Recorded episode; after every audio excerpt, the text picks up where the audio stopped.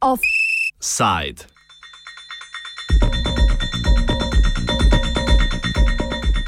Varuhov izbris.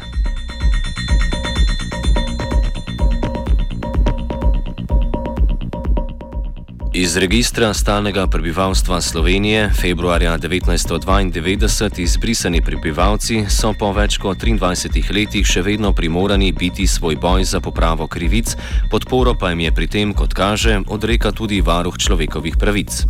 V uradu slednjega so sprejeli odločitev, da ne vložijo zahteve za oceno ustavnosti zakona o povračilu škode izbrisanim in novele zakona o izbrisanih, za kar so varuha zaprosili v društvu izbrisanih prebivalcev. Slovenije. Društvo izbrisanih je zaradi spornih rešitev, ki jih predlagata omenjena zakona in na katere opozarjajo že dlje časa, pobudo za ustavno presojo uložilo lani, ustavno sodišče pa je slednjo zavrnilo. Društvo po mnenju ustavnega sodišča v zadevi ne izkazuje pravnega interesa, saj zakona ne prizadevata njegovih pravic in pravnega položaja.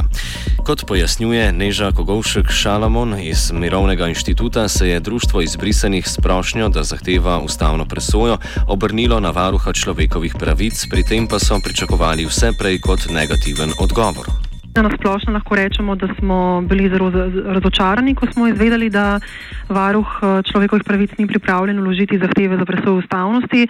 Namreč od varuha se ni zahtevalo, da presodi, ne, ali sta oba uh, zakona, uh, ki sta sporna, tudi protiustavna, ampak se je pričakovalo od varuha, da vloži šele zahtevo, da v tem presodi ustavno sodišče. Namreč prednost um, institucije varuha je ravno v tem, da ima možnost vlagati zahteve, medtem ko imajo posamezniki in društva sodstva možnost samo vlagati pobude, kar pomeni, da lahko ustavno sodišče v primeru pobude šele odloči tudi, da vsebinsko zadeve ne bo obravnaval, medtem ko v primeru zahteve, ne, ki jo lahko vloži tudi varoh, pa vsekakor pobu, um, mora um, zadevo vsebinsko obravnavati. Ne. To je bil tudi glavni razlog, da se je društvo izbrisanih prebivalcev obrnilo na varuha uh, s, to, uh, s to prošnjo. In seveda ravno zato, ker se od varuha ni pričakovala neka vsebinska odločitev že v sami zadevi, temveč zgolj pomoč pri dostopu do tega, da o tem odloči ustavno sodišče, uh, je razočaranje še toliko večje.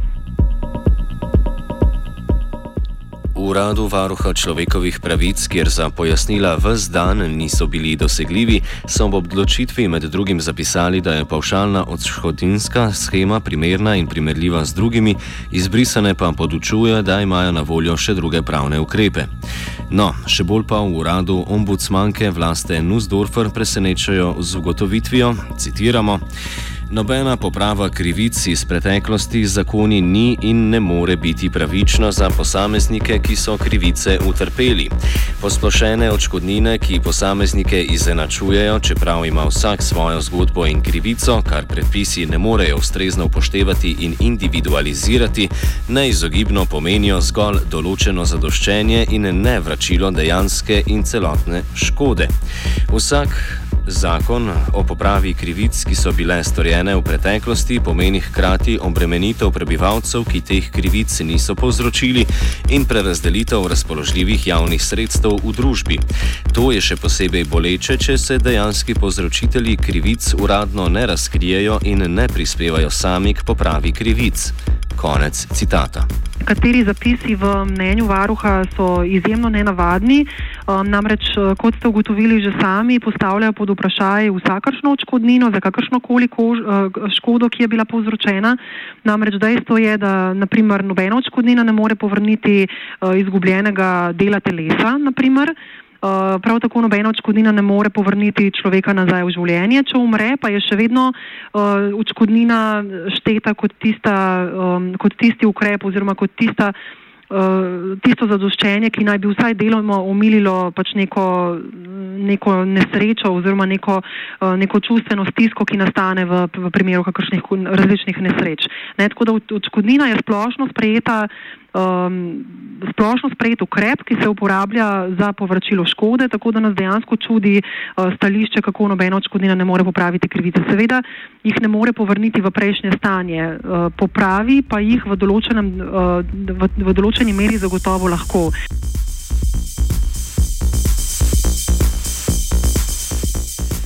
Kogovšek Šalamon ob tem spomni na razliko med očkodnino, ki jo je izbrisanim prisodilo Evropsko sodišče za človekove pravice in to, ki jim jo priznava domača schema. Velika razlika je namreč med očkodnino, ki jo priznava slovenski zakon sedaj izbrisanim in pa očkodnino, eh, ki jo je izbrisanim priznava Evropsko sodišče za človekove pravice Tisti očkodnini, ti, višini tiste očkodnine ni nihče oporekal, medtem ko je iz očkodnine Eh, prisojene na podlagi slovenskega zakona, eh, kristalno jasno, da je eh, smešno nizka. Kot vemo, je na koncu ministrstvo pristalo da, k temu, da se dosodi oziroma določi očkodnina 50 evrov mesečno za vsak mesec izbrisa.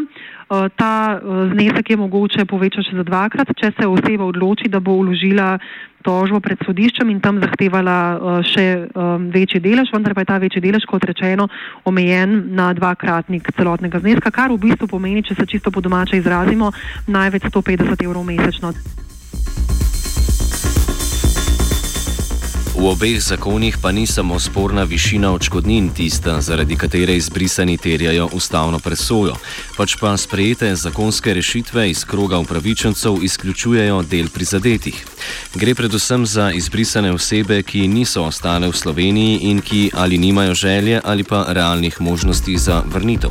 Je samo polovica izbrisanih uspela status doslej urediti in samo tisti, ki so si status uspeli urediti, um, imajo uh, dos tudi dostop do odškodnine. Poleg njih je dostop do odškodnine priznan samo še enemu zelo majhnemu delu ljudi, ki so si status poskušali urediti do leta 2010, pa so bili uh, zavrnjeni. Ne? Tako da za njih se potem upoštevajo meseci odškodnine od, izbri, torej meseci od izbrisa do takrat, ko jim je bila uročena ta zavrnilna odločba. Tako da naše stališče je vse skozi bilo, da je obseg upravičencev preozak, namreč sedaj imamo situacijo, ko ima nekdo um, dostop tako do statusa kot odškodnine, kakršna koli pač že je, medtem ko obstaja še ena enako velika skupina ljudi, ki nima dostopa ne do enega, ne do drugega ukrepa ne, za popravo krivic. In poleg tega še seveda vseh ostalih manjših ukrepov za popravo krivic, ki so bili določeni poleg odškodnine. Ne. O tej točki naj bi se po mnenju varuha človekovih pravic ustavno sodišče ob januarski zavrnitvi pobude društva izbrisanih že izreklo. Kot so ob odločitvi za neuložitev zahteve za ustavno presojo zapisali v uradu varuha, ustavno sodišče ni ugotovilo neustavnosti v tem, da del izbrisanih ni upravičen do odškodnin, saj naj bi bilo z zakonom vzpostavljeno moralno zadoščenje. Kot podarja naša sogovornica, se ustavno sodišče ob zavrnitvi podbude pobude društva ni vsebinsko opredeljevalo, pač pa je pobudo, kot rečeno, zavrnilo zaradi pomankanja pravnega interesa.